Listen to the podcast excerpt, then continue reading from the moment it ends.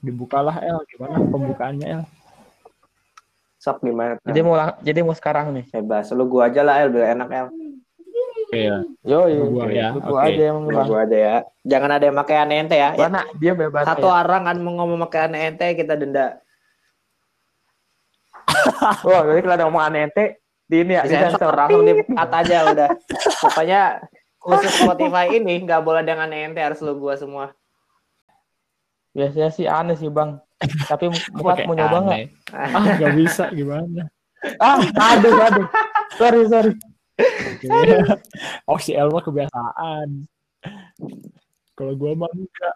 Bukan kebiasaan coy, tapi gimana ya? Beda, environment tuh beda. Kalau ngomong sama anak alpha Ngobrol kayak udah otomatis tuh makanya tiba-tiba ah, aneh gitu. aja. Kayak kayak apa ya? Kayak sudah menjadi darah daging gitu. Ketemu anak angkat aneh ente tiba-tiba. Iya, emang kayak gitu, wajar. Kalau kalau sih kalau kayak abis forum alpha gitu kan, ngomongnya iya nente pindah forum langsung, woi anjay, per per per per, per keluar semua tuh. Mulai nih mulai. Gua mulai nih El. Aduh. Oke, aduh. Sob. Gimana yang mau mulai? Gua ya?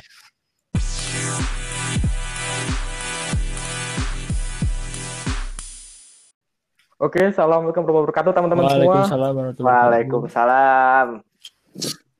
Gokil nih, udah lama gua di sini nggak berpodcast podcast ria, tapi gue pengen ngasih tahu satu hal di sini namanya bukan podcast ya, namanya podkuy. Oh, Yo, tanya, lu ngapain cuy? Lagi podkuy, dengerin apa tuh? Dengerin podkuy. Apa tuh potku itu? koinnya apa? Podkuynya Alpat tentunya Oh. dong. Eh jangan Alpat dah, masa makin lu gua di sini, sorry sorry. Aduh, gua mau merek. Aduh.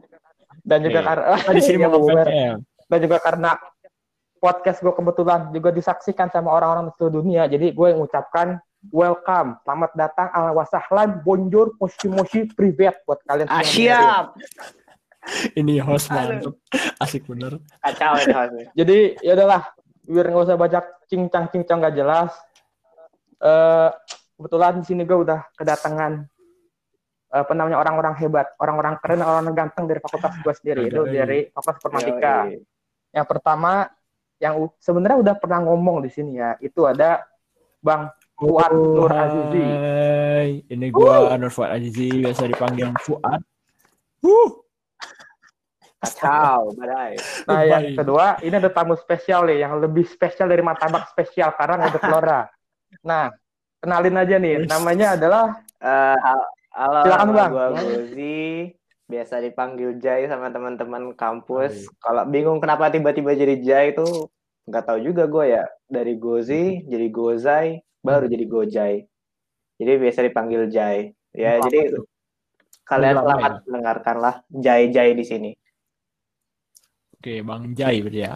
Jadi gue manggilnya Bang Jai aja nih ya, Bang Bang Jai. Wih enak juga tuh kayaknya. Oke. Tapi biasa kalau di kampus gue dipanggilnya ini El, Mamang.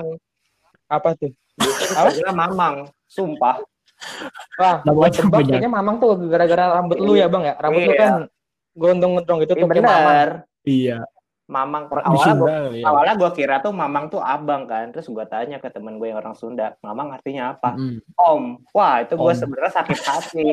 Cuman karena sudah udah biasa dipanggil Mamang, udah bosen lah. Jadi ya yain aja dipanggil Mamang gitu. Mamang Jai gitu. Jadi panggilnya apa nih? Bang Jai, Mang Jai, Mang Mang Jai. aja lah, Mang, Mang Jai. Ya udah gila. Oh, makin asik aja dah. Ini ini, ini baru jalan 10 Oh, menit kurang. kurang. malah, tapi udah kita bisa ngebuka aib banyak orang nih ya. Asik nih asik. Ayo Semoga. lanjut. Jadi Mang Jai, Apa Mang nih? Jai. Gini sih palingan. Kebetulan kan lu ini kan orang penting nih, Aduh. yep, yep, yoi. Buat yang belum tahu, jadi di apa? Doi ini, doi kesayangan gue ini eh dia ini anak Alpat dulu, udah enggak. Makanya sekarang dia bisa ngomong lu gua sekarang. Terus Gen sekarang lagi ngejabat jadi oh ya kemarin jadi apa? anak BEM, Iya. BEM. Tell You.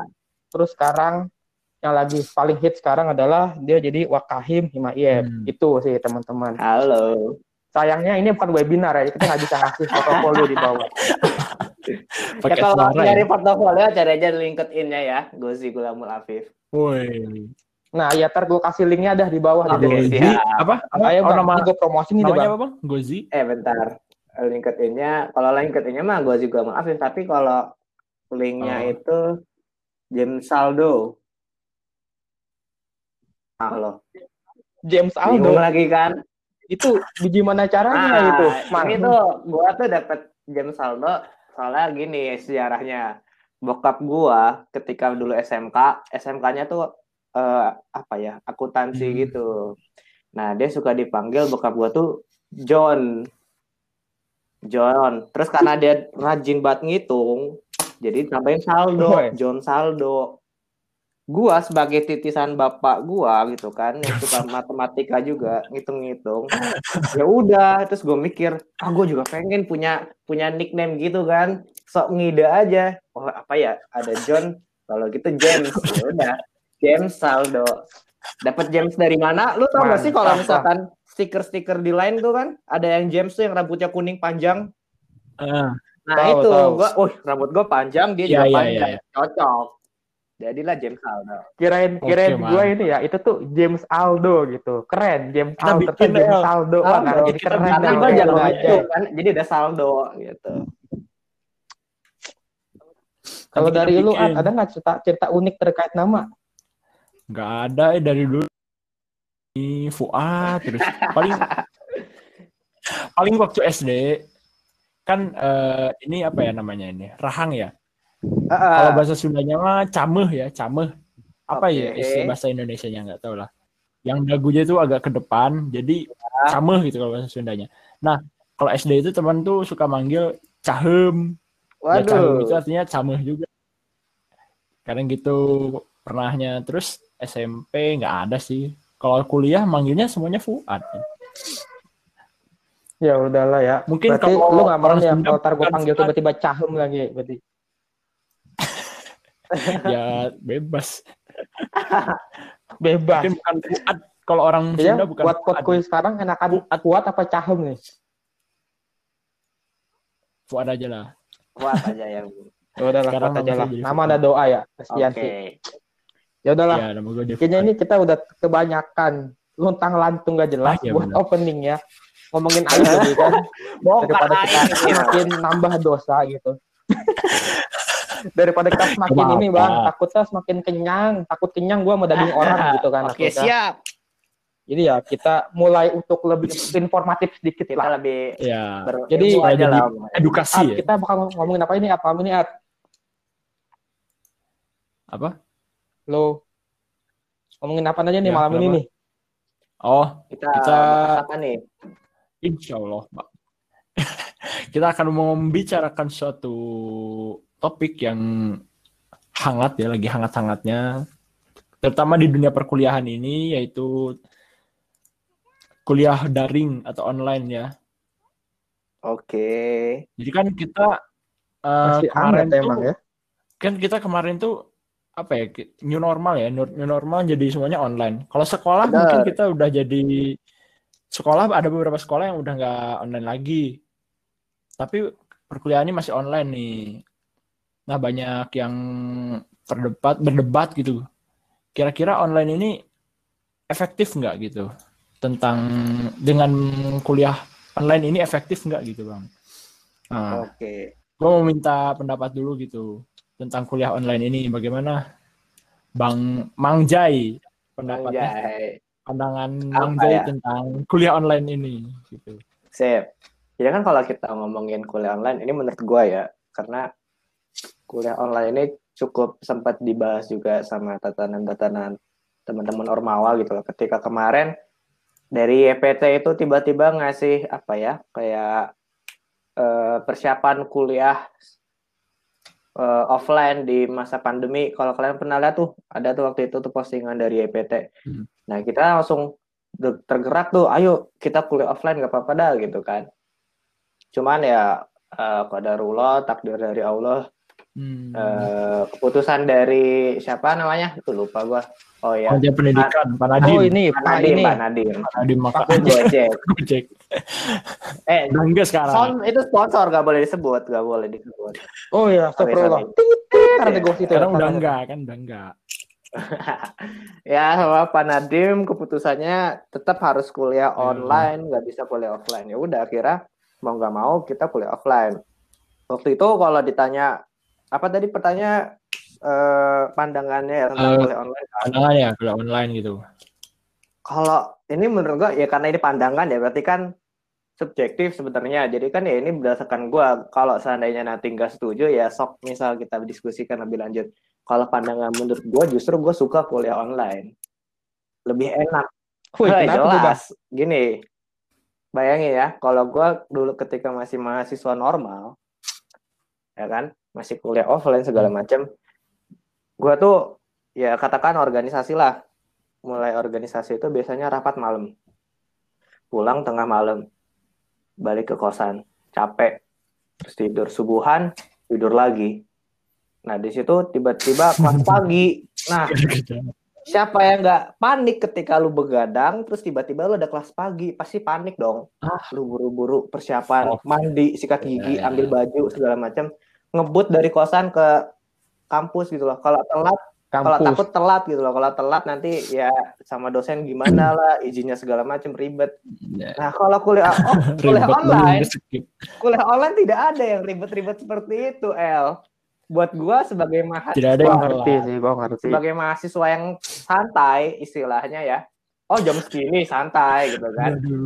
Ya udah ini masuk ke Google Meet. Masuk terus matiin kamera Telat matiin masuk. mic telat masuk aja tinggal masuk maaf pak sinyal ya. gitu kan sinyal saya lagi lagi kurang bagus pak ngomong kayak gitu Aduh, aduh, parah ya, parah.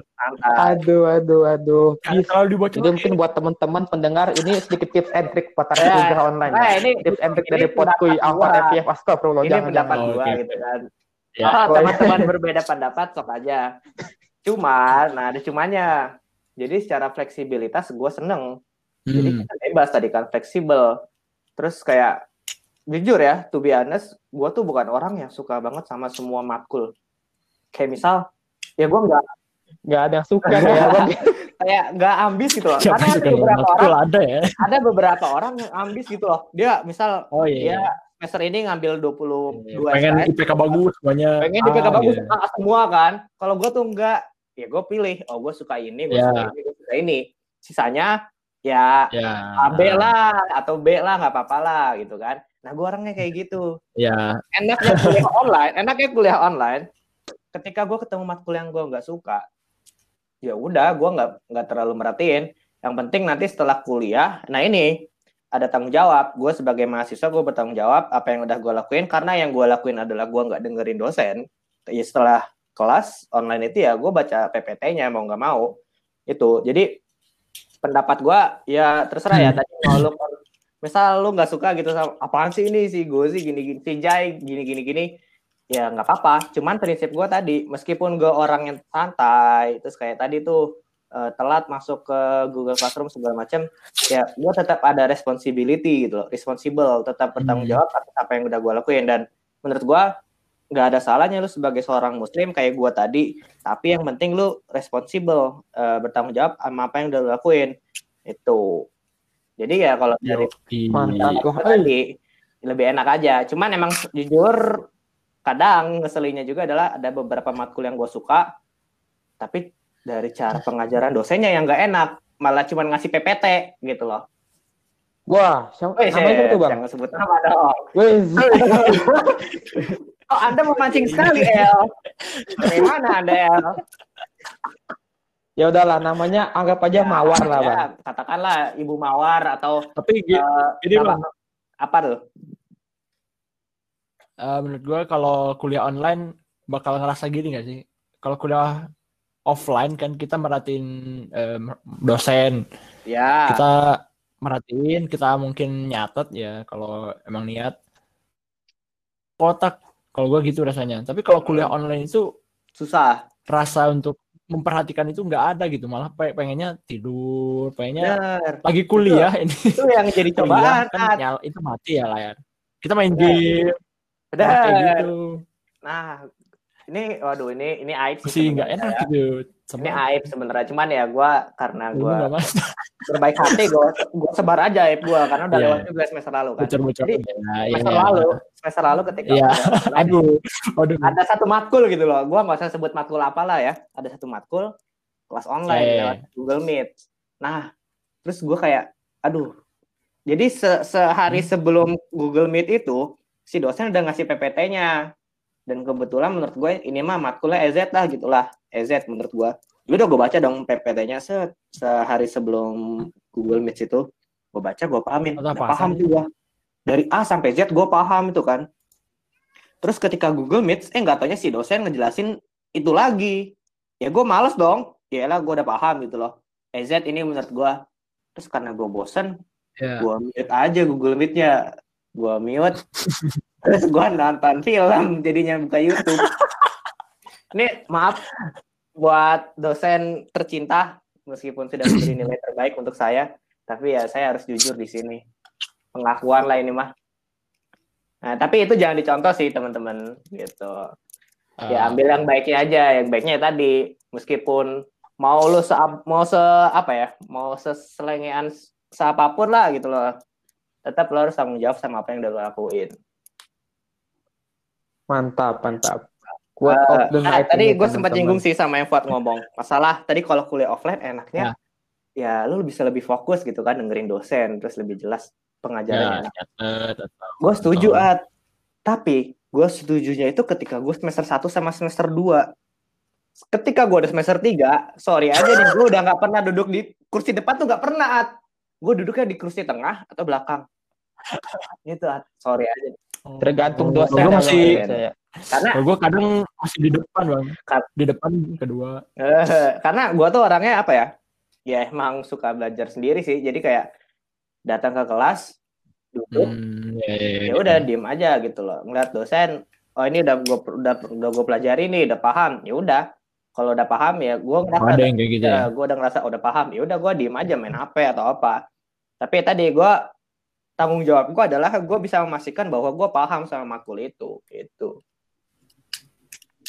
Hmm. Jadi kalau kita ambil kayaknya Kalau gue sih emang nggak suka belajar sendiri malah bang. apa tuh At? Kalau gue nggak suka belajar sendiri malah, Hmm, sukanya lebih beda-beda orang sih terus, eh, pahamin aja, terus di rumah nggak belajar lagi. nah kalau gue kalau gue Emang enaknya di rumah nggak belajar lagi. kalau gue nyampe nyampe kosan tuh belajar lagi At. di kelas tidur bedanya kita di sana Iya, beda lah ya. cara cara orang beda-beda lah ya orang ya. ya Ya. banyak banyak ca- banyak Ya, jalan lah suka offline sebenarnya. karena gini menurut Ya, gue ya, ya. based Gimana ya? on based on penelitian based on research gitu loh seseorang ketika sedang disuruh fokus gitu dan lebih dari 40 menit itu dia bakal buyar fokusnya makanya kalau misalkan katakan pleno atau apa lu pastiin deh ketika plenonya ada lebih dari 40 menit pasti udah pada main HP ngobrol diem bengong itu pasti tuh Hmm, kalau lu lagi suruh-suruh nih lagi rapat Itu ya, ya, ya, benar sih, Nah, benar sih. sama ketika di kelas juga gitu nih. Kalau dosen udah 40 menit ngejelasin nih, udah mumet tuh otak tuh, udah udah pusing dah. Ya udahlah. Biasanya udah Bete. orang main HP, Keluar. main HP segala macem. itu tadi based on research Iya. ya Bang ya. Makanya Duh, Bener kayaknya itu banget. salah dah Bang, kayaknya dah Bang. Soalnya kalau gue sih nggak 40 menit, 10 menit gue udah buyar biasanya sih. berarti ini harus Tapi tahu paling penelitinya nih. 10 menit harusnya bukan Nah 40 iya, menit. tapi paling kayaknya dia ngambil datanya salah itu Oke. sih Bang. Iya. Ya kalau lah mungkin mungkin gue yang salah ya tidak. 40 menit atau apa. Kayak seingat gue sih 40 menit. Kalau ada yang di bawah 40 menit ya itu beda orang mungkin. Hmm, bukan Alah. orang. ya. Tapi paling nggak, gue sih bangga sih, karena gue di kelas biasa gue duduk, paling Yoi. depan, yoi. Karena biasa gue datang datang apa datang telat, jadi siapa paling depan doang biasanya. Benar. Datang telat ya di depan. Ya, tapi gue juga Nah, pernah. iya itu. gue justru paling terdepan L lebih lebih di depan daripada duduk terdepan yaitu ya gue duduk di lantai di depan papan tulis ketika lagi pelajaran propstat Loh. gue udah jelasin belum sih Oh. waktu itu pak Semester 2 ya. Eh, eh prop satu semester 3, sorry. Semester tiga coy, Nah, semester datang tiga. kan. Ini si bapaknya tuh gaul banget, orang Sunda juga. Iya. Eh, kumaha damang, Jang dia bilang. Alhamdulillah Pak, sehat Pak, gitu kan. Eh, Terus ngobrol segala macam, duduklah gue. Pertama gue duduk di belakang kan, emang biasa duduk di belakang, duduk di belakang. Set, ih seru nih Propstat nih kan. Soalnya dia ngajarnya kocak gitu kan. Gue maju ke duduk tengah. Emang gue orang petakilan kan. Gue duduk di tengah, wah seru nih, duduk paling depan. Duduk paling depan, wah gue pengen makin deket lagi sama bapaknya. Pak, saya boleh duduk di lantai. Sok, silahkan, mangga. Duduknya di depan lantai. Masih kurang seru ternyata coy. Eh, seru itu apa itu? gitu, probabilitas. Itu kan bagus ya. Itu sampai masuk telu ini loh gue, kesegaran telu. Masih ngajar nggak dosennya? Masih, masih. Ah, ya, kalau ini mah gue nggak apa-apa sebar aja ya. Oh iya. dosennya. Namanya tuh Pak Sudarto. SDT lah, tipe eh, kode dosennya itu udah the best lah. Oh, the best. Tuh sayang. Tapi Gua nggak diajar sama dia, Propstat. kayaknya kemarin Propstat tuh. Saya kalian sudah propstat buat teman-teman yang dengerin ya, buat maba miba kalau ada yang dengerin, nanti kalau ngambil propstat sama Pak SDT, auto. A. Wah ini, nah ini baru nih tips paling bermakna di antara podcast ini nih ternyata nih keluar juga. Karena kalian butuh nilai, saya tahu. Ya mau gimana lagi sih bang? ngejar Berkata nilai. kalau orang miba, kata orang bijak, nilai dulu, maba miba iya adalah bener. Walaupun kata orang kan nilai itu bukan segalanya ya. Ya, ya itu bagi lu lah, bagi gue mungkin sekarang nilai dulu aja lah, baru benar, nanti ya, makin Ya, belakangan. sosok aja. Gue pengen dapat cum laude gitu kan. Ya. Jadi Iya. jangan sampai jangan sampai berlindung dari kata-kata nilai adalah bu- nilai bukan segala. Jadi nilai gue jelek gak apa-apa dong nggak gitu juga Ya. kayaknya bang ya. ya apa ya?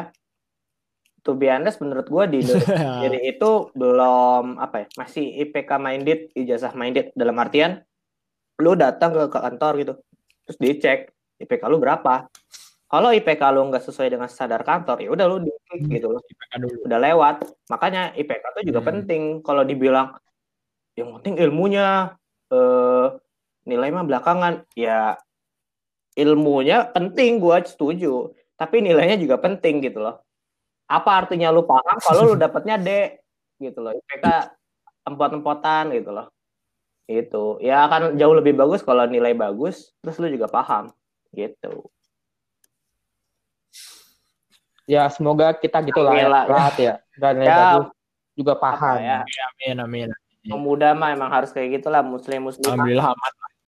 Tadi kan kita udah ngomongin masalah kulon nih. Oh ya paling gua ini dulu sih, gua sum up dulu ya.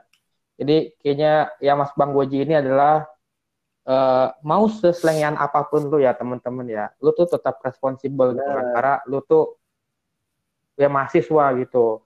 Lu udah berani ngambil informatika, udah berani ngambil jurusan ini itu, ya harusnya lu udah tahu lah bakal ngomongin apaan ya. Kan namanya jelas tuh informatika, informasi dan matematika gitu. Itu bakal banyak ngitung gitu. Benar. Ya apa? Jadi Yo, dari gua sih skip boleh, asal tetap pintar. Eh, kalau nih skip boleh, asal absensi asal aman. aman. eh salah salah salah salah.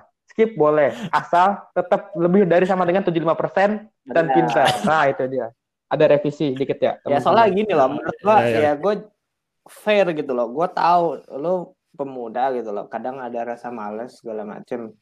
Dan udah gitu udah males kuliah online gitu loh. Kuliah online yang mana kelasnya cuma Google Meet. Ya pasti adalah orang yang ketika lagi kelas online main HP segala macem nggak fokus. Ya ya gue tahu dan gue memaklumi hal tersebut. Jangan kan online, offline aja juga banyak yang kayak gitu kan. Nah, ya udah poinnya adalah Hmm. nggak masalah mau kayak gitu Online. juga. Tapi tadi responsibel kalau lu tahu lu main HP, lu nggak dengerin dosen, ya udah tanggung jawab lu adalah gimana caranya lu paham walaupun lu nggak dengerin dosen, walaupun ketika di kelas lu main HP atau tidur, itu caranya. Cakep, cakep, cakep. Itu kalau sayangnya ini kata-kata nggak bisa bawa frame gitu ya. Dijadiin bingkai foto. Waduh. bisa, eh. Ya udah sih. Lanjut lah. Next team, next Jadi team. thumbnail. Thumbnail. Bisa sih. Ah, Next team. Apa nih? iya kan? Apalagi niat? Apalagi ya? Lu dulu lah. Oke, gak? kita bang. Tadi kan kita ngomongin cara supaya tetap survive di kuliah Yes. online ya.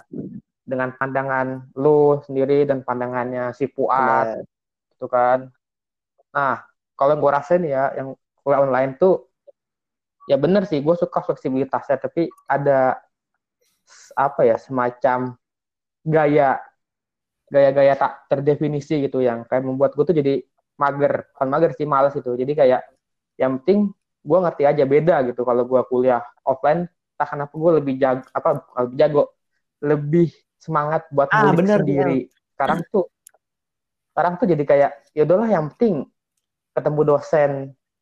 Nggak ketemu sih yang penting absen ntar ada kuis kerjain nilainya bagus udah kelar. Jadi kayak nggak nggak berasa ilmu dan apa ya ya isi sih ilmunya gitu. Dan mungkin kalau tips and trick ya gitu supaya tetap produktif gitu bang. Ada nggak nih bang dari lu bang? Tips biar produktif tuh. Ya biar lebih ya itulah biar produktif tetap online. Oke. Okay. uh, eh, gue sempat ngungkit dikit tadi El bilang kayak ya karena kuliah online jadi bisa explore dan gue setuju banget sih. Kayak tadi lah katakan gue bilang ketika misalkan ada matkul yang kurang gue suka ya udah akhirnya gue cuman absen online aja gitu kan. Misal ada Google Meet ya gue ikut Google Meet. Masalah perkara dengerin apa enggak itu belakangan. Yang penting gue paham sama materinya. Itu poinnya titik. Tapi senangnya gue dengan kuliah online adalah ketika hmm. misal gue lagi nggak dengerin si dosen itu gue bisa explore yang lain. Gue bisa belajar uh, lebih dalam. Misal ya katakan semester lalu gue ngambil mesin learning terus ada satu matkul A gitu. Nah gue nggak suka matkul A. Ya udah matkul A gue gue cuman absen online aja. Terus ketika lagi bosen lagi ngapain gabut gitu ya gue bisa explore lebih jauh itu loh sama mesin learning. Terus gue belajar how to develop an application a software kayak gitu gitu itu gue seneng sih. Nah ngomongin masalah produktif ya. Sebenarnya yang namanya hmm. produktif itu menurut gue gak jauh-jauh sama yang apa ya namanya manajemen time sih karena kalau lu perhatiin di YouTube YouTube gitu loh, kayak tutorial tutorial orang how to be a productive person, bla bla bla segala macam. Perhatiin aja, dia pasti manajemen time-nya tuh bagus banget. Dalam artian ya bangun tidur jam segini, dia udah catat nih nanti jam segini, eh, misal jam jam 7 sarapan, jam 9 belajar sampai jam 10 segala macam. Nah, jadi di situ ada poin pertamanya kalau ditanya gimana cara produktif adalah ya kita bahas dulu manajemen waktu lu seperti apa, udah bagus belum? Kalau lu ngomongin produktif tapi bangun tidurnya ngaret, lu ngomongin produktif tapi ya berantakan dalam satu hari dari 24 jam yang diberikan oleh Allah ke lu dalam satu hari 24 jam yang diberikan Allah itu lu nggak jelas 20 24 jam itu lu ngapain aja lu kayak nggak ya nggak jelas nggak ada manajemennya Nah, makanya dibutuhkan manajemen waktu. Ya, lo harus jelas. Oh, jam segini sampai jam segini gue bakal ketemu sama dia, bakal ngobrol sama dia. Jam segini sampai segini gue bakal belajar. Jam segini jam segini gue bakal eksplor tentang ini, segala macam. Nah, di situ tentang manajemen waktu. Nah, tapi yang susah dari manajemen waktu adalah eh, apa ya bahasanya ya? Komitmen, istiqomah.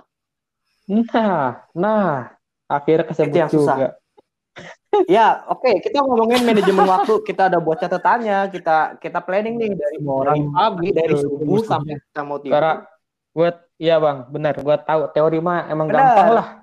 Apa manajemen time? Ah gampang. Gue gini gini gini gini. Ya pas prakteknya mah ya tidur tidur nah, juga gitu. Nah di situ udah udah apa ya? Kadang ketika gue apa ya dengerin seminar-seminar gitu, ya sama pertanyaan yang kayak gimana cara produktif ya dia jelasin saya biasanya punya uh, buku catatan. Jam segini jam segini hmm. bakal ngapain segala macem. Gue udah pernah nyoba El sumpah El. Visinya gede. Panjang dari pagi sampai malam udah jelas mau ngapain aja. Dari Senin sampai Jumat sampai Ahad gitu kan udah jelas mau ngapain aja. Tapi satu permasalahannya ternyata masalahnya adalah dari diri gue sendiri belum istiqomah belum komitmen sama apa yang udah gue buat. Nah itu ya. Nah dan itu sebenarnya Iya sih. Gak ada solusinya. Ya solusinya ya dari lu sendiri. Gimana caranya lu bisa komitmen sama diri sendiri gitu. Masa masih masalah sih. Mungkin itu, itu. Solusi dari gua adalah ya lu bikin rundown hidup lu berarti mulai sekarang dari pagi sampai malam sampai Jumat itu tuh ya lu bikin isinya nggak ngapa aja kayak tidur, makan, nah. main game. Nah itu insya Allah gue komitmen kalau kayak gitu mungkin ya. Hmm. Nat.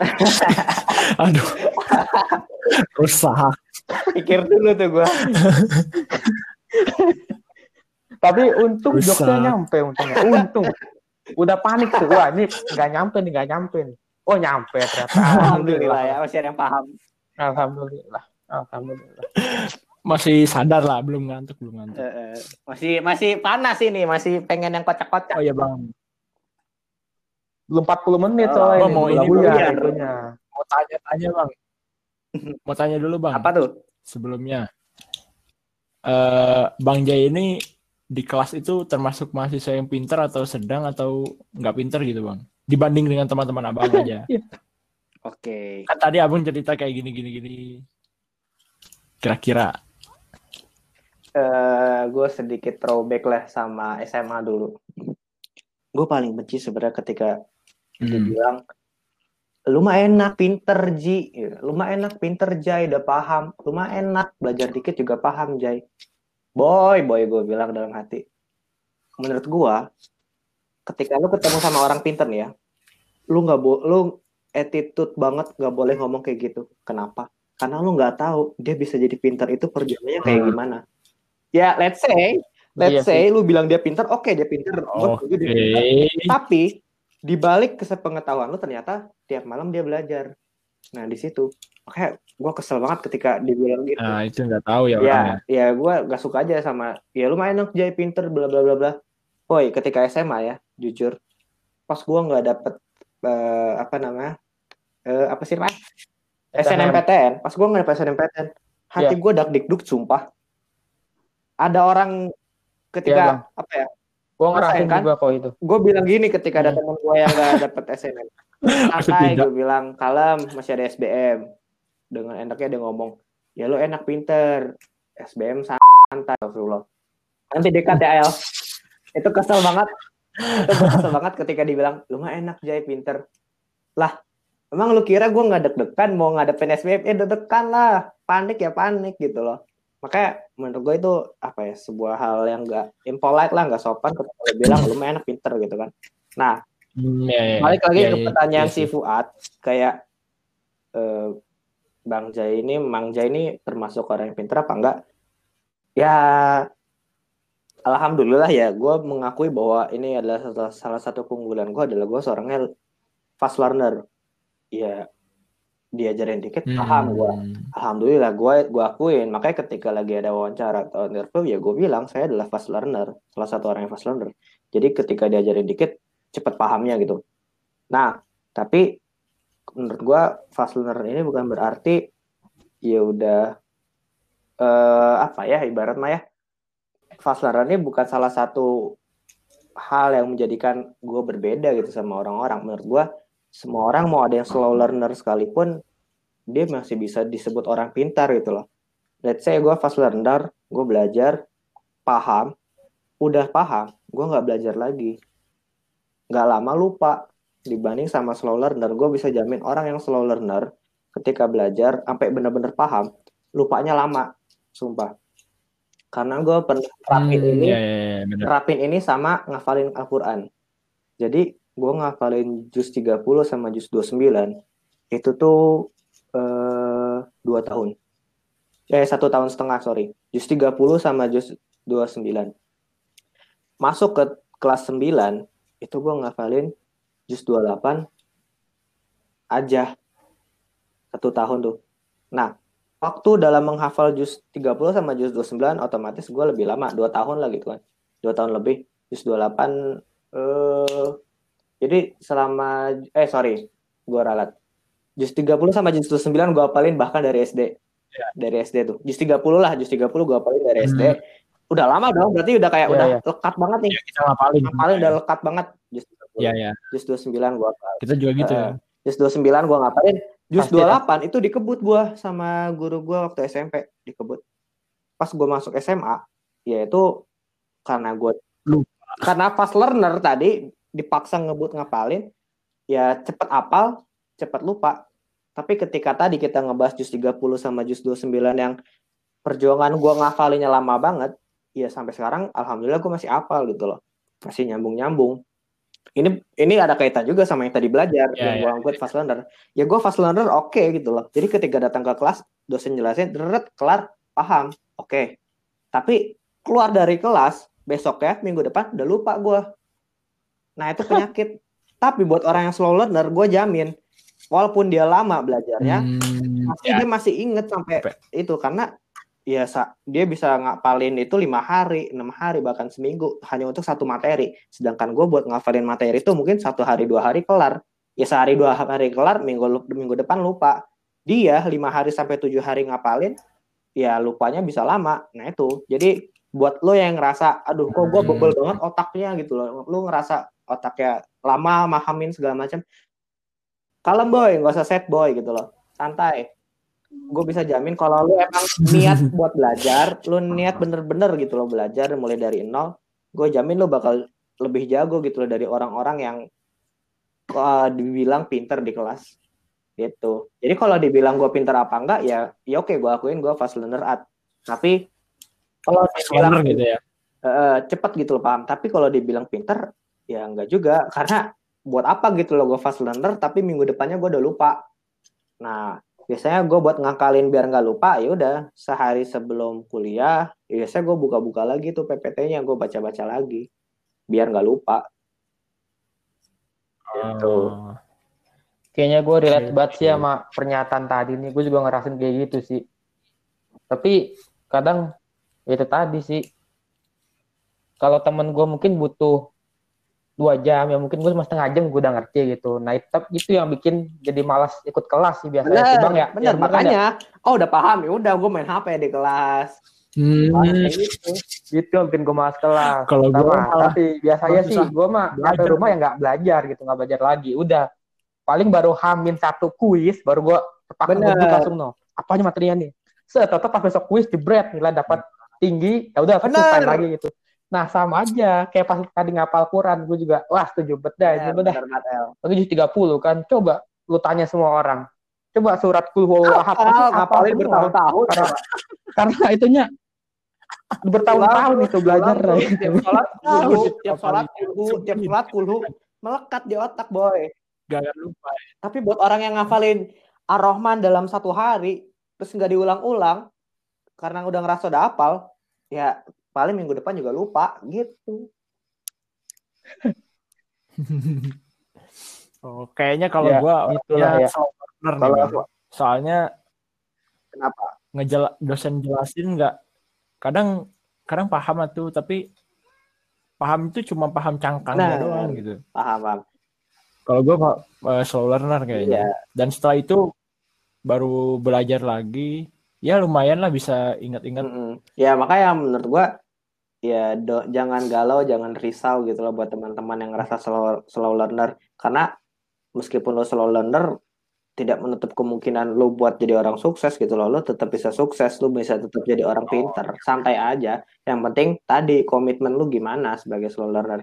Apakah ketika lo ngerasa aduh Cara Benar. ya. Ketika ya ini yang gue benci. Aduh, lu mah enak Ji, cepet pinternya, eh cepet pahamnya. Oke, gitu kan. Ya tadi yang udah gue ungkit, gue cepet paham tapi gue cepet lupa. Lu ngerasa lama buat paham, tapi lu sendiri nggak mau belajar. Ya buat apa gitu kan? Ya gak akan paham karena lu sendiri nggak mau belajar. Udah ngerasa pahamnya lama, terus lu males buat memperdalam. Ya sulit lah boy. Gitu. Jadi ya jangan pernah menyerah buat belajar sih. Jadi kayaknya kalau kesimpulan kayak gini bisa gua ambil kesimpulan lagi manusia ini sebenarnya adil, Bat. eh sama berarti ya sama potensinya nah ya. itu makanya gue Sama. semua Ya. dengan Kelebihan eh, atribut-atributnya kan kelebihannya Benar, masing-masing per masing-masing. makanya tadi yang gue bilang Cuman pas kayaknya tuh gue benci ketika dibilang lu mah enak pinter lu mah enak santai gini-gini ya lu juga bisa kayak gue santai aja gitu loh jangan kayak seakan-akan lu membedakan gue dengan lu kita tuh semua sama yang membedakan kita hanya ketakwaan kepada Allah woi cakep mantap akhir atribut apa keluar. Prok prok prok prok. nilai alfat pasti mendarah daging Oh ini alfa. Eh, oh, oh sama ini kok kita lu gue Kuat, kuat. Eh. Jadi ini ternyata Alfat ya. Berarti aduh, sorry Iya, nih Anas kita salah ucap tuh sih. Gak jadi gak jadi. Gimana At? Oke, Ada yang masih dipoin tanyain nggak nih? ah enggak ternyata pertanyaannya eh apa jawabannya benar-benar di luar ini ya ekspektasi mantap sekali Aduh. saya dapat ilmu ya. fast learner sama slow learner baru tahu loh itu bang beneran Oh iya, Emang memang ada yang kayak gitu ya orang ya ada orang kayak gitu. iya Ya maksudnya ya dua sebutnya tipe orang itu quick maksudnya. learner juga sih. Hmm, ya. Makanya kalau ya cuma taunya taunya sih gini doang taunya orang yang ya yang pintar gitu maksudnya cepat banget apal gitu taunya tuh. Tapi kalau dia orang cepat lupa nggak tahu ya. Kalau cepat apa cepat lupa kurang tahu sih Nah itu, itu yang di- tidak banyak orang pahami bahwa kalau menurut gue ya itu dan menurut gue itu valid sih. Karena orang yang cepet paham pasti bakal cepet lupa. Makanya poin yang tadi adalah kalau orang yang Iya, iya. masa cepet paham nih Sebanding. kan, ini sebanding itu adil ya Allah mah maha adil kan. Makanya buat orang yang fast learner, lu ngerasa lu fast learner nih cepet paham, ya udah, misal udah paham segala macam, eh, buat apa kalau seandainya nanti habis lu paham lu nggak pelajarin lagi karena lu tahu bahwa kelemahan lu lu cepet lupa. Buat lu yang ngerasa slow learner, ya nggak apa-apa gitu loh. Eh, kalau ngerasa susah ya nggak masalah. Yang penting lu tetap konsisten buat belajar. Makanya kalau kata Imam Syafi'i, jika kamu tidak sanggup menahan lelahnya belajar, maka kamu harus sanggup menahan perihnya kebodohan. Ya udah gitu loh. Poin di akhir pada akhirnya poinnya Oh. adalah belajar. Mau lu fast learner apa slow learner, intinya belajar itu. Belajar. Apa Yang salah tuh nggak belajar. salah ya nggak belajar. Ya fast learner nih ngerasa fast learner paham. Kan? Hari ini belajar paham. Terus ke depannya nggak belajar lagi. Ya sama aja sama yang slow learner udah ngerasa aduh susah nih terus dia nggak mau memperdalam nggak mau belajar ya sama aja gitu loh ujung-ujungnya bakal ngerasain perihnya kebodohan kata Imam Syafi'i jadi nggak ada yang membedakan kita kita semua sama gitu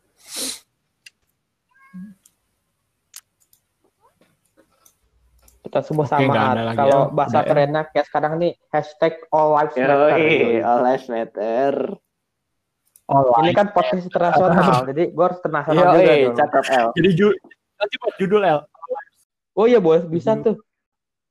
Bah, kita, kita udah ngomong antara kulon, terus antara tadi ngomongin ya tentang fast learner, tentang slow learner, dan ternyata kita ternyata kita semua ini sama gitu kan, sama-sama jelek enggak lah, sama-sama Iya, bagus ya gitu, semua ada potensinya lah. gitu kan. Ya, aduh ya itu membuat gua termotivasi juga sih sebenarnya sih. Alhamdulillah. Wah, berarti ternyata gue ini bisa jadi orang keren. Alhamdulillah pastilah semua bisa gitu Tapi mungkin gue udah keren sih untungnya. Jadi kayaknya gue lebih keren lagi dari sekarang. sebenarnya ini ada yang menarik sih gue ketika buka Twitter segala macam medsos lagi rame ngomongin ini L privilege Nah, Wis, privilege. privilege jadi kayak eh, orang yang miskin gitu kan yang terlahir miskin yang tidak punya privilege keluarganya keluarga petani let's say gitu. Oh, gue Dia tahu nggak kayaknya punya- ini nih. dia Coba nggak lanjut punya Bang. peluang dia tidak memiliki peluang Yang sama, sama. yang sama sebesar yang sama dengan orang yang Hmm. Katakan dia nggak pinter-pinter amat Oh. tapi keluarganya keluarga eh, bangsawan keluarganya keluarga kaya. kaya punya kenalan sana sini. Eh, menurut gua ya gue setuju sih. Kan ada juga apa namanya eh apa sih namanya penelitiannya bahwa orang based on survei orang yang memang mungkin terlahir tidak memiliki privilege tidak memiliki banyak ya privilege tadi ya kewenangan kan privilege tuh. Hmm. tidak memiliki privilege ya tingkat kesuksesannya tidak sebanyak dengan orang yang memiliki privilege. Ya gue itu gue akui. Makanya gue selalu bersyukur ke Allah ketika alhamdulillah banget gue punya kenalan sana sini segala macam tapi ada satu poin menurut gue eh jujur ya gue nggak pernah kepikiran privilege privilege sebelumnya semenjak baru eh, tenar di sosmed aja. Gue baru kepikiran oh iya ya ini privilege namanya ya selama ini gitu kan nah tapi sejujurnya ketika gue di kampus ini gitu kan di kampus ini itu tuh kayak gue nggak punya privilege yang sewow gitu gitu loh. Kayak gue datang ke kampus ini dengan tidak mengenal siapa pun tidak tahu siapa pun apa yang orang di dalam gitu loh. Makanya eh, ya jujur ya gue eh, punya kenalan di EPT salah satu sanak saudara lah om gue gitu. Mm-mm. tapi ketika gue tahu hal tersebut gue nggak mau bahwa orang-orang tahu om gue itu siapa segala macem. Dan gue juga nggak mau tak gue juga nggak mau kalau om gue tahu kalau gue masuk ke telkom. Jadi ketika gue masuk gue diem diem meskipun pada akhirnya ketika lagi ada pernikahan saudara gue ketemu sama gue ditanya kuliah di mana? Di Teli om. Oh di Teli nggak ngomong. Gitu kan. Ya di situ karena ya emang sengaja emang tidak mau mengasih tahu om gitu kan ceritanya. Balik ke privilege tadi gue datang ke kampus ini tidak ada privilege tidak kenal siapa pun gitu kan. Eh, satu hal yang gue pelajarin adalah mengenai privilege ini ya privilege itu sangat penting berpengaruh dengan kesuksesan. Tapi satu hal yang orang sepertinya menurut gue apa yang melupakan hal tersebut adalah privilege itu bisa dicari dan bisa dibuat. Katakan gue terlahir miskin gitu loh terus gue nggak punya privilege orang tua gue petani nggak punya kenalan dengan perusahaan A gitu ya mungkin perjalanannya panjang gitu loh tapi bisa aja pada akhirnya kalau memang takdir Allah dia bisa punya privilege untuk mengenal perusahaan A kita ambil contoh sirah Nabi itu Bilal Bilal bin Rabah itu kan ya budak dulu hmm. enggak ya sih seorang budak yang ya yeah, yeah, privilege yeah. apa gitu yeah, loh budak. seorang budak ini kalau gambaran budak itu ya kalau di zaman dulu zamannya Nabi bener-bener kayak lo harus nurutin apa kata majikan. Majikan yeah, gak suka ya lo, disuruh. lo disuruh mau ngapain pun harus mau sebagai budak. Dan jadi kayak ada kepemilikan. Nah itulah makanya eh, sekarang dihapuskan ke perbudakan itu karena itu karena seakan-akan tidak ada keadilan keadilan sosial bagi seluruh bangsa Indonesia itu. Nah dihapuskan sekarang. Ngomongin lagi ke Bilal, Bilal ini adalah seorang budak, emang punya privilege apa gitu? Cuma karena takdir Allah, karena ya Allah punya jalan gitu loh. Tiba-tiba Bilal dipertemukan sama seorang sahabat Nabi, ya Abu Bakar, dan dibeli. Bakar ya kan dibeli kan Bilal sama Iya uh, dibeli. Ya di situ mulai Abu Bakar nih orang yang sangat berprivilege gitu lah ibarat mah. Ya siapa sih yang nggak kenal Abu Bakar pada saat itu kan? Salah, salah satu petinggi gitu. Ya terus karena takdir Allah, Allah ingin mempertemukan Bilal dengan Abu Bakar ya udah akhirnya Bilal punya privilege sampai akhirnya Bilal menjadi orang pertama mengumandangkan azan. Dan Bilal adalah orang yang mengumandangkan azan ketika meninggalnya Nabi Muhammad nggak sih? Meskipun Bilal nggak sanggup sampai nangis-nangis kala itu. Kalau gue nggak salah baca ya mungkin bisa dikoreksi sama teman-teman Alfat gitu kan. Hmm. Ya di situ maksud gue ya meskipun nanti buat lo yang denger ya, lo ngerasa aduh gue gak punya privilege, bapak gue biasa-biasa aja segala macam, nggak masalah gitu loh. Privilege bisa dicari. Kalau kitanya nggak bisa, Allah bisa. Jadi kalem aja boy. Itu sih. Penting usaha dulu ya. Usaha dulu gitu loh Lagian, ya nah ini gue juga sering ngomong sih ke teman-teman gue bahwa sukses itu nggak harus selalu masalah material, nggak selalu masalah uang gitu loh. Banyak tuh orang-orang yang kaya raya segala macam tapi bunuh diri. Kalau secara ya. kalau kita bilang sukses banyak. masalah uang, banyak banget. Mereka yang bunuh diri tapi punya banyak duit, kenapa gitu loh? Apakah itu sukses? Makanya sukses ini harus diperjelas gitu loh. arti dari sukses itu seperti apa? Nah, menurut gua lu sebagai pemuda, apalagi lu seorang muslim dan muslimah gitu loh. takaran sukses lu tuh harus jelas gitu loh. Kalau takaran sukses lu hanya sebatas dunia, ya elah, menurut Allah juga dunia mah kagak ada apa-apanya dibanding sayap nyamuk kan. Iya ada sisinya. Iya, betul. Bahkan kalah betul, sama betul. yang namanya sholat eh qobliyah subuh. Sholat qobliyah ada apa-apanya dunia, boy. Nah, kalau lu mengharapkan aduh gua harus sukses nih punya mobil, punya apa segala macam, ya lu bakal kalah. Menurut Allah lu bakal kalah sama orang yang rajin qobliyah subuh gitu. Jadi harus diperjelas sukses itu seperti apa. Dalam Islam sukses seperti apa. Nah, itu yang diperjelas menurut gua. Makanya kalau misalkan ya kalau tadi ya, makanya tadi dibilang kesuksesan orang miskin yang tidak punya privilege ya cenderung ya miskin juga ya menurut gua it's not fair gitu loh lo bilang orang miskin yang pada akhirnya miskin lagi terus dia disebut tidak apa ya tidak sukses gitu loh karena yang sukses ya mungkin itu mah menurut dia ya suksesnya berdasarkan materi. Tapi kalau menurut gua itu nggak ada yang salah gitu loh. Mungkin dia nggak punya harta gitu tapi dia punya Allah. Allah punya segalanya. Ya udah kelar. Itu sih. Mantap nih. Sedikit jangan buat teman-teman semua. Jadi kalau misalnya apa namanya when the chips are down gitu kan, ya lu tenang, lu masih punya Allah buat teman-teman semua. Dapetin lah sholat qobliyah subuh gitu kan. Di hadis itu kan pahalanya itu kan lebih dari dunia dan seisinya. Jadi kalau buat lu, lu semua yang merasa belum sukses, gampang. Qobliyah. Sholat sunnah qobliyah subuh aja. Subuhnya juga harus ya.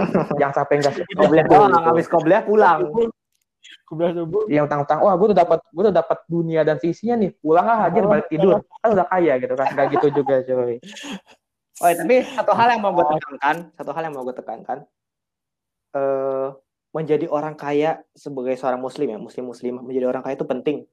Jadi jangan mikir kayak tadi ya gue bilang sukses itu nggak selalu tentang material. Oke, itu itu poin pertama. Tapi menjadi orang kaya buat muslim dan muslimah, seorang muslim muslimah itu penting. Eh karena ya, ya benar. kalau lo jadi orang kaya, lo bisa sedekah, lo bisa uangnya itu diserahkan untuk berdakwah. Ya Nabi Muhammad sendiri ketika mau nikah Ya, sama. Khadijah aja punya unta merah gitu loh. Di mana karena itu satu unta merah bisa dibilang ya, satu Lamborghini. Kalau nggak salah waktu itu kalau sekarang ya ekivalensi Ekivalensinya. sama Ya. ya berarti kita bisa bilang Ya, ya. Nabi Muhammad sendiri orang yang kaya gitu loh. Kalau Nabi Muhammad sebagai panutan kita orang kaya, berarti kita seharusnya juga tergerak untuk menjadi orang kaya. jadi orang Meskipun kaya. tadi pada Oh, akhirnya sukses itu Iya. nggak harus selalu tentang orang kaya. Mantep lah mungkin pengen gue sama sedikit nih bang nih gue setuju sih sama penelitian yang bilang kalau orang miskin tuh ya cenderung ntar ujungnya miskin lagi karena ya semacam udah kayak loophole Benar. yang tidak terputuskan lah Benar. gitu bang Ya. tapi gue juga setuju kalau emang kesuksesan tuh nggak bisa diukur dari duit doang kalau misalnya diukur dari duit doang ya harusnya pada bunuh diri ya orang-orang miskin daripada Ya karena pada bunuh diri gitu dia, kan ya ya kan? ya karena sukses tuh toh ya juga Secara apa namanya orang kaya ternyata banyak kok yang bunuh diri gitu kan. Udah kaya tapi nggak happy. Mungkin yang paling utama ya lo harus happy dulu lah gitu.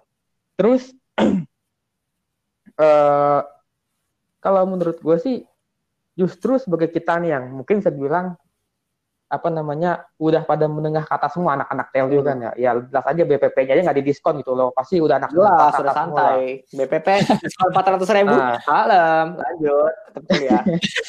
Waduh, waduh, waduh. Ini Buat bukan aneh nih. Ini, kuota. ini, eh, ini bukan dari gua ini ya. Sorry, sorry. Ini pure dari pembicara. tuh. Nah, lanjut. Nah, jadi buat kita kita semua yang udah punya privilege lebih gitu, kita datang nih kewajiban baru yaitu tadi membantu, mungkin bisa membantu teman-teman kita yang privilege-nya nggak Benar. bagus kita dengan cara ya minimal minimal ya sedekah, Benar. infak, zakat. Kalau misalnya lu hari sholat Jumat tuh ya itu jangan cuma digeser doang itu apa namanya tuh kotaknya Iya, istilah benar. gitu.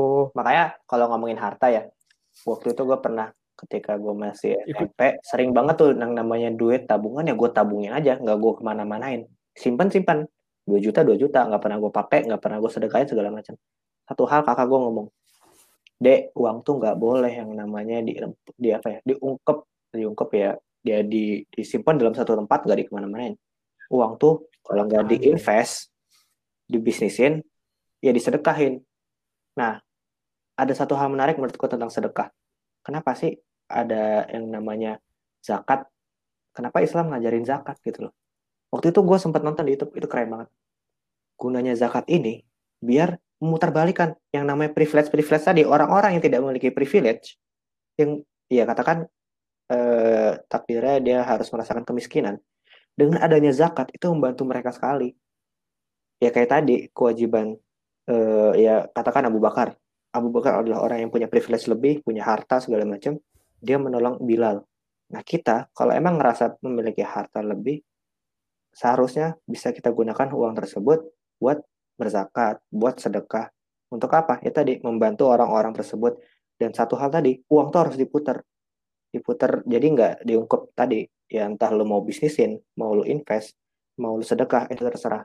Yang penting di tiga itu. Dan menurut gua dari ketiga itu yang paling berharga adalah sedekah. Karena kalau bisnis, kita bisnisnya sama manusia. Kalau kita invest, kita invest sama perusahaan atau sama barang. Tapi kalau kita sedekah, kita ngobrolnya sama Allah.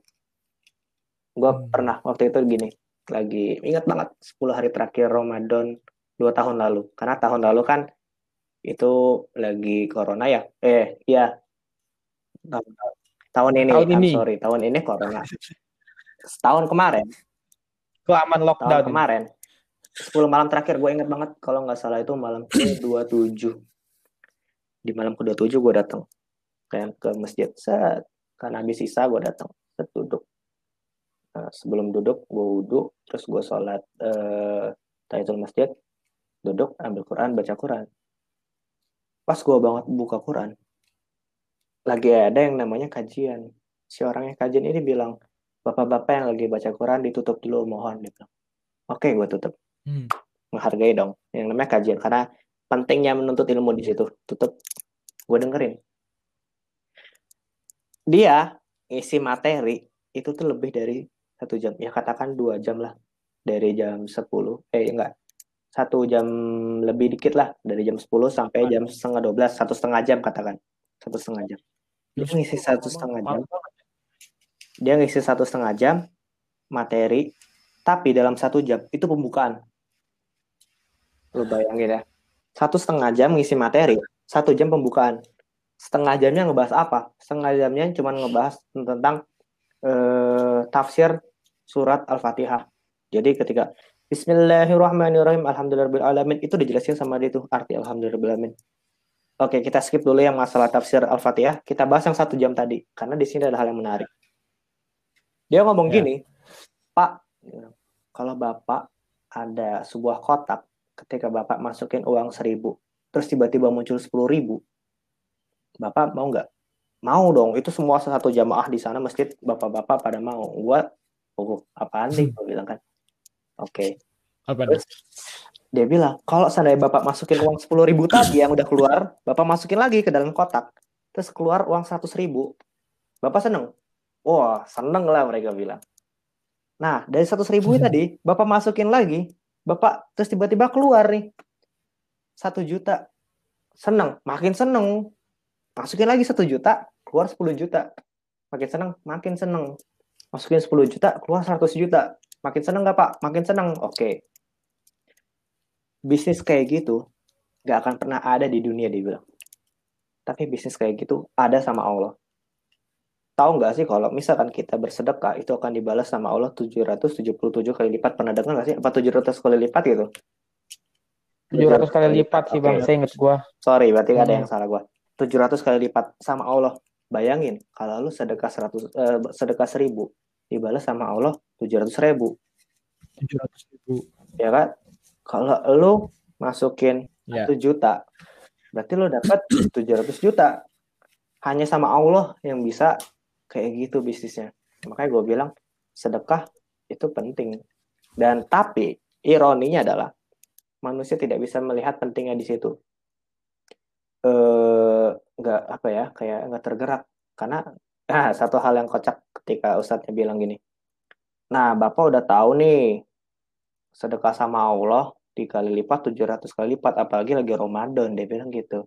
Sebelum saya ngisi materi bisa kali keluarin isi dompet tuh yang warna merah 100 ribu ke dalam kotak amal keluarin semua bapak-bapak Beh, itu keren sih gue bilang baru pertama kali gue ngelihat cara seorang ustadz untuk minta semua apa ya semua jamaah untuk sedekah itu baru pertama kali gue ngeliat kayak gitu keren banget itu gue bilang jadi sayangnya manusia itu kayak udah tahu nih Allah bakal balas 700 kali lipat tapi masih tetap enggan buat sedekah Hitung-hitungan gitu ya. perhitungan gitu loh.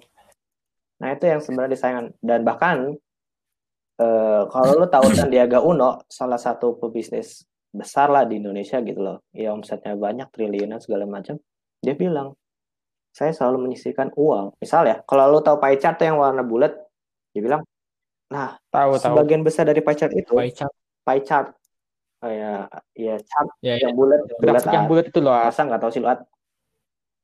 Iya tahu, Oh, Bang. tahu, kira nggak tahu ah. Nah, dia bilang dari pie chart itu dia selalu eh, mengalokasikan uang sedekah itu sebagian besar dari pie chart itu.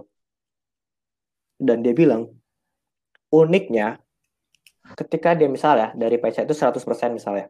dia ambil 40% buat sedekah. Nah, itu tuh eh, balasannya ibarat apa ya? Kalau kita katakan ya, kita punya pecat tadi kan 100 nih. Terus kita pakai eh, Mm-mm. katakan 20% buat uang kebutuhan rumah. Nah, berarti uang kita berkurang 20% dong, ya nggak sih? Kelar. Hmm. Nah, Yap. tapi kalau sedekah itu beda. Kalau seandainya lu masukin uang tadi ini dari 40%, misal uang uang gua 1 M gitu kan, 1 M nih. Nah, 20% gua pakai buat rumah, berarti berkurang 200 juta, ya nggak sih? 200 juta hilang. Nah, kalau Yap. sedekah ketika lu ambil 40%, berarti kan seharusnya lu berkurang 400 juta dong dari 1 M tadi. Tapi Iya. uniknya kata Sandiaga Uno, Bapak Sandiaga Uno, tidak seperti itu. Justru ketika dia keluarin 400 juta, itu pie chart yang tadinya 1 M makin besar. Dana dia makin besar gitu loh. Nah, di situ dia bilang, loh tapi yang saya heran, kok orang-orang nggak nggak pernah kepikiran kayak gitu, nggak melakukan hal tersebut. Nah, di situ ya lu per- makanya pertanyaannya adalah lu percaya nggak sama Allah gitu loh. Kalau lu percaya, ya udah, sedekah mah tinggal sedekah, ngapain lu perhitungan? Itu. Itu sih gue tertarik banget mantap. ketika ngomong itu. Sedekah, sedekah aja ya. Makanya. Iya, jadi kayak nggak usah perhitungan gitu loh. Oh iya, ngomong sedekah nih. Ngomong sedekah kan Alfat FIF lagi ngebuka ini ya El ya. Nah, Iya Sedekah dong. kurban. Yo, jadi lagi ngebuka kalau ada teman-teman yang ngomong apa yang dengerin di sini terus bingung gitu kan, wah sedekah lewat mana nih? Nah, kita dari Afat FVF bisa nih jadiin tempat buat teman-teman sedekahnya nih. Setengah apa tuh? Yaitu sedekah kurban. Kita patungan beli apa beli kambing atau beli Betul. sapi tergantung taruh berapa nih teman-teman. Bisa tuh nanti apa namanya bisa dilihat dicek di OA OA kita di Alfat FV eh apa namanya tadi Muslim di OA Muslim FVF Tel yo Nah, dan ini nih eh, si apa namanya hasil sedekahnya ini kita berikan untuk apa ya eh, orang yang ini ya karyawan kar di fakultas ya ya fakultas informatika Mm, mm. telkom university sekitar situ cakep. kita kasih ke situ ke mereka mereka lah Jadi buat lo nih muslim muslimah yang udah Oke. dengerin tadi, dan lu ngerasa lu percaya sama Allah gitu loh. Ya udah nih udah ada nih peluangnya sedekah bareng Alfa TVF. Keluarin sebagian uang harta lu dan insya Allah lu percaya sama Allah, Allah bakal melipat gandakan hasil keluaran lu tadi. 700 ribu eh 700 kali lipat ya Iya. 700 kali Ya, lipat. gak usah banyak-banyak lah. usah. Kadang Iya. gua ngeliat ya, gua no offense ini tapi ya. Gua ngeliat ada beberapa itu yang kayak ya lu eh, sedekah patungan tapi gocap Di- jadi kayak ditakarin ya nggak masalah tapi menurut gua eh, katakan ya dari Alfa TVF Hmm. nggak ditakarin. Bebas lu mau goceng juga nggak masalah. Goceng ini goceng dikali 700 berapa tuh? Waduh gua udah pusing hitungnya dah. Hmm. banyak dah pokoknya. Emang Allah tuh nggak nggak pernah pelit gitu loh. Orang Yoi. kaya nah itu. Yoi. yang jelas kalau lu sedekah lu nggak bakal Ah, miskin Itu Joy. jadi yang Ah, daripada bisa. lu ikut ikut ikut binomo mending ya kita sedekah aja lah. Binom pernah pernah nyobain karena udah banyak orang yang menyadari gitu Ribuan kan orang belum menyadari.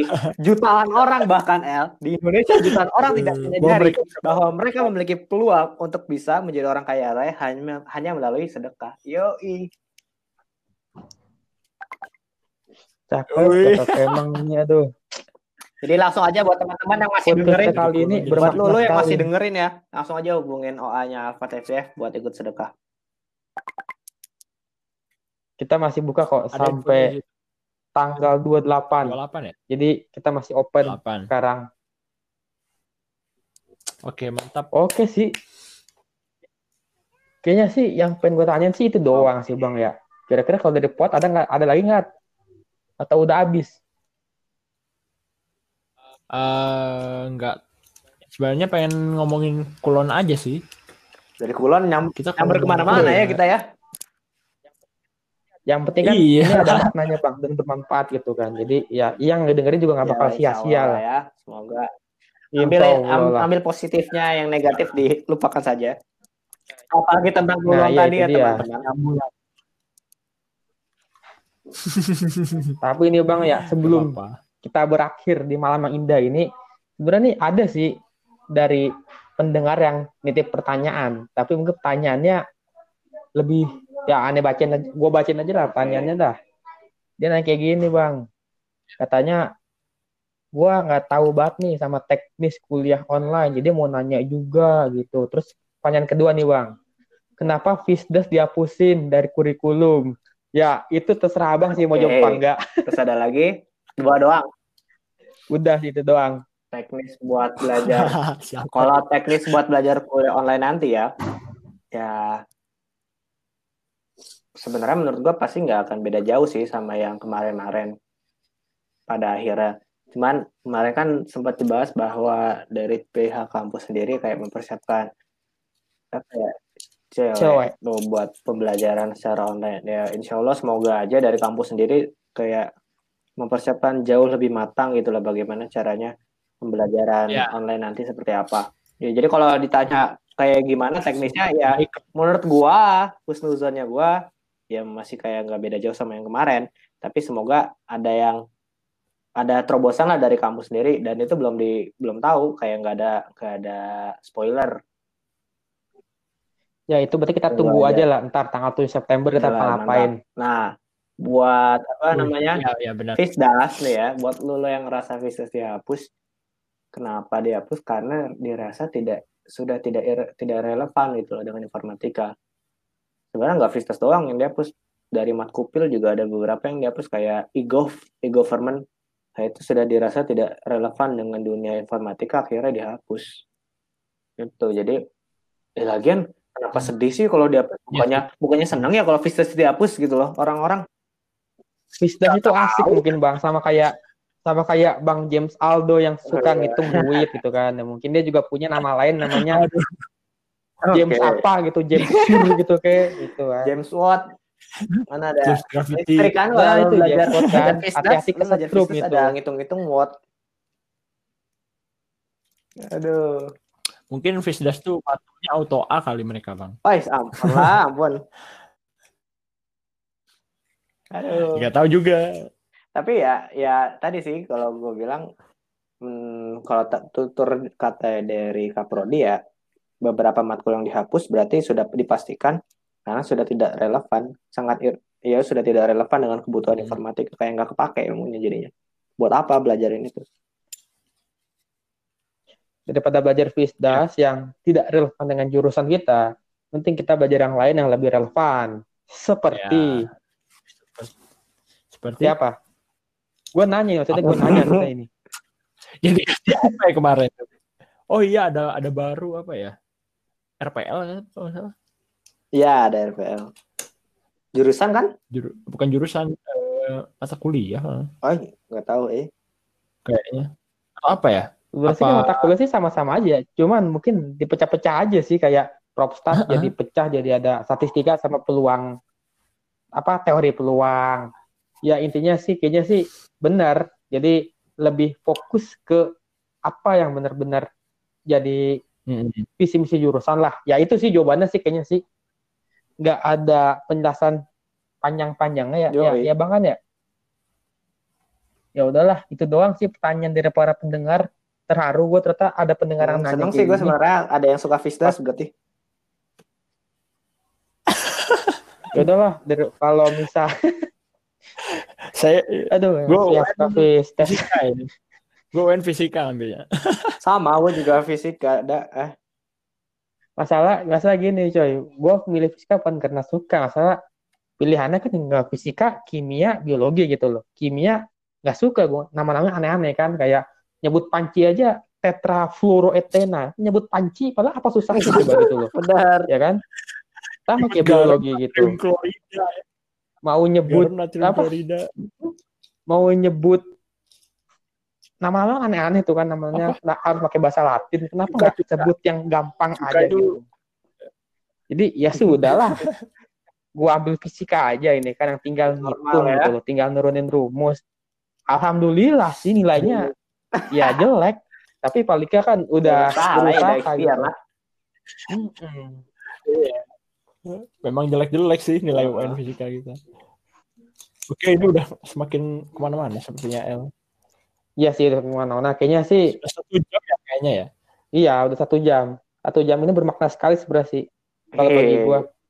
Karena gua bisa mendapatkan banyak ilmu-ilmu yang harusnya sih Amin, berguna gitu. alhamdulillah. Oke. Kalau misalnya emang nggak ada lagi yang pengen diomongin nih, At, kayaknya sih ya kayaknya kita bakal langsung ke penutupan nih. Apa? Nggak ada sih. Terima kasih aja sih paling. Iya sih kayaknya sih. Makasih buat Bang Goji. Wah ini udah penutupan ya masuknya. Ini dong closing statement dari L sebagai moderator. Eh, closing statement. Oh iya lupa, belum belum penutupan, tetap harus ada summary dulu. Oke, buat kali ini teman-teman, summary dari obrolan gak jelas namun padat akan makna ini di kita ini. Eh, yang pertama adalah eh, kita ini udah jadi mahasiswa gitu loh. Kita udah berani ngambil jurusan di FBF gitu kan, yang notabene tentu lu ini kan dari cabangnya teknik ya lu harus mau lah ketemu sama pelajaran agak ngitung dikit, anggar dikit, dan it's okay kalau lu emang nggak suka salah satu, tapi paling nggak lu apa namanya masih responsibel lah menilai lu gitu, karena Hmm. apa namanya toh ya ini kan lu udah ngambil dan lu harus mempertanggungjawabkan itu gitu. Terus yang kedua yang gue dapat adalah eh kesuksesan itu tidak selamanya diukur dengan uang dan itu memang benar. Dan sudah jadi apa ya sudah sudah jadi bukan rahasia umum kalau ada loophole di masyarakat kita ini terutama masyarakat ekonomi kita yang mengekang orang-orang miskin untuk tetap miskin gitu. Jadi kayak ibarat kata yang kaya makin kaya ya cuman yang miskin miskin gitu. Itulah kenapa kita nggak suka kapitalisme. Kita mendukung lawan kapitalis eh enggak enggak jadi. Eh, terus eh karena kita udah punya privilege lebih gitu kan dengan adanya kelayakan peri gitu terus kegampang apa mudahnya kita ekonomi ter- terutama di masa-masa sekarang kan masa pandemi yang agak mandek gitu kan kalau kata orang-orang ahli dan kata orang-orang orang-orang di Twitter tuh yang katanya ahli juga kan kita bukan resesi atau apalah gitu lah.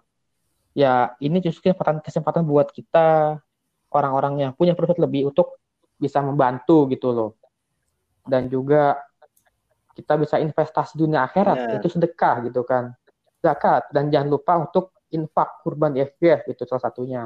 Karena profitnya itu 700 kali gitu. Kalah semua bursa saham mana pun gitu. Kalah Warren Buffett gitu kan sama prediksi kalau lu sedekah gitu sudah kita tuh orang paling kaya di dunia.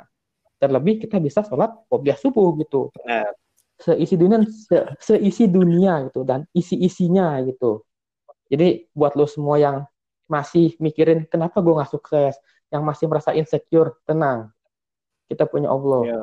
sholat subuh aja dulu sholat qobliyah subuh nah ntar lo pas ngelamar cewek pasti tanya kamu udah sukses belum udah apa apa bukti ya saya sering sholat qobliyah subuh tiap hari nah itu tinggal bilang Masya Allah. Eh gue mau nambahin dikit El.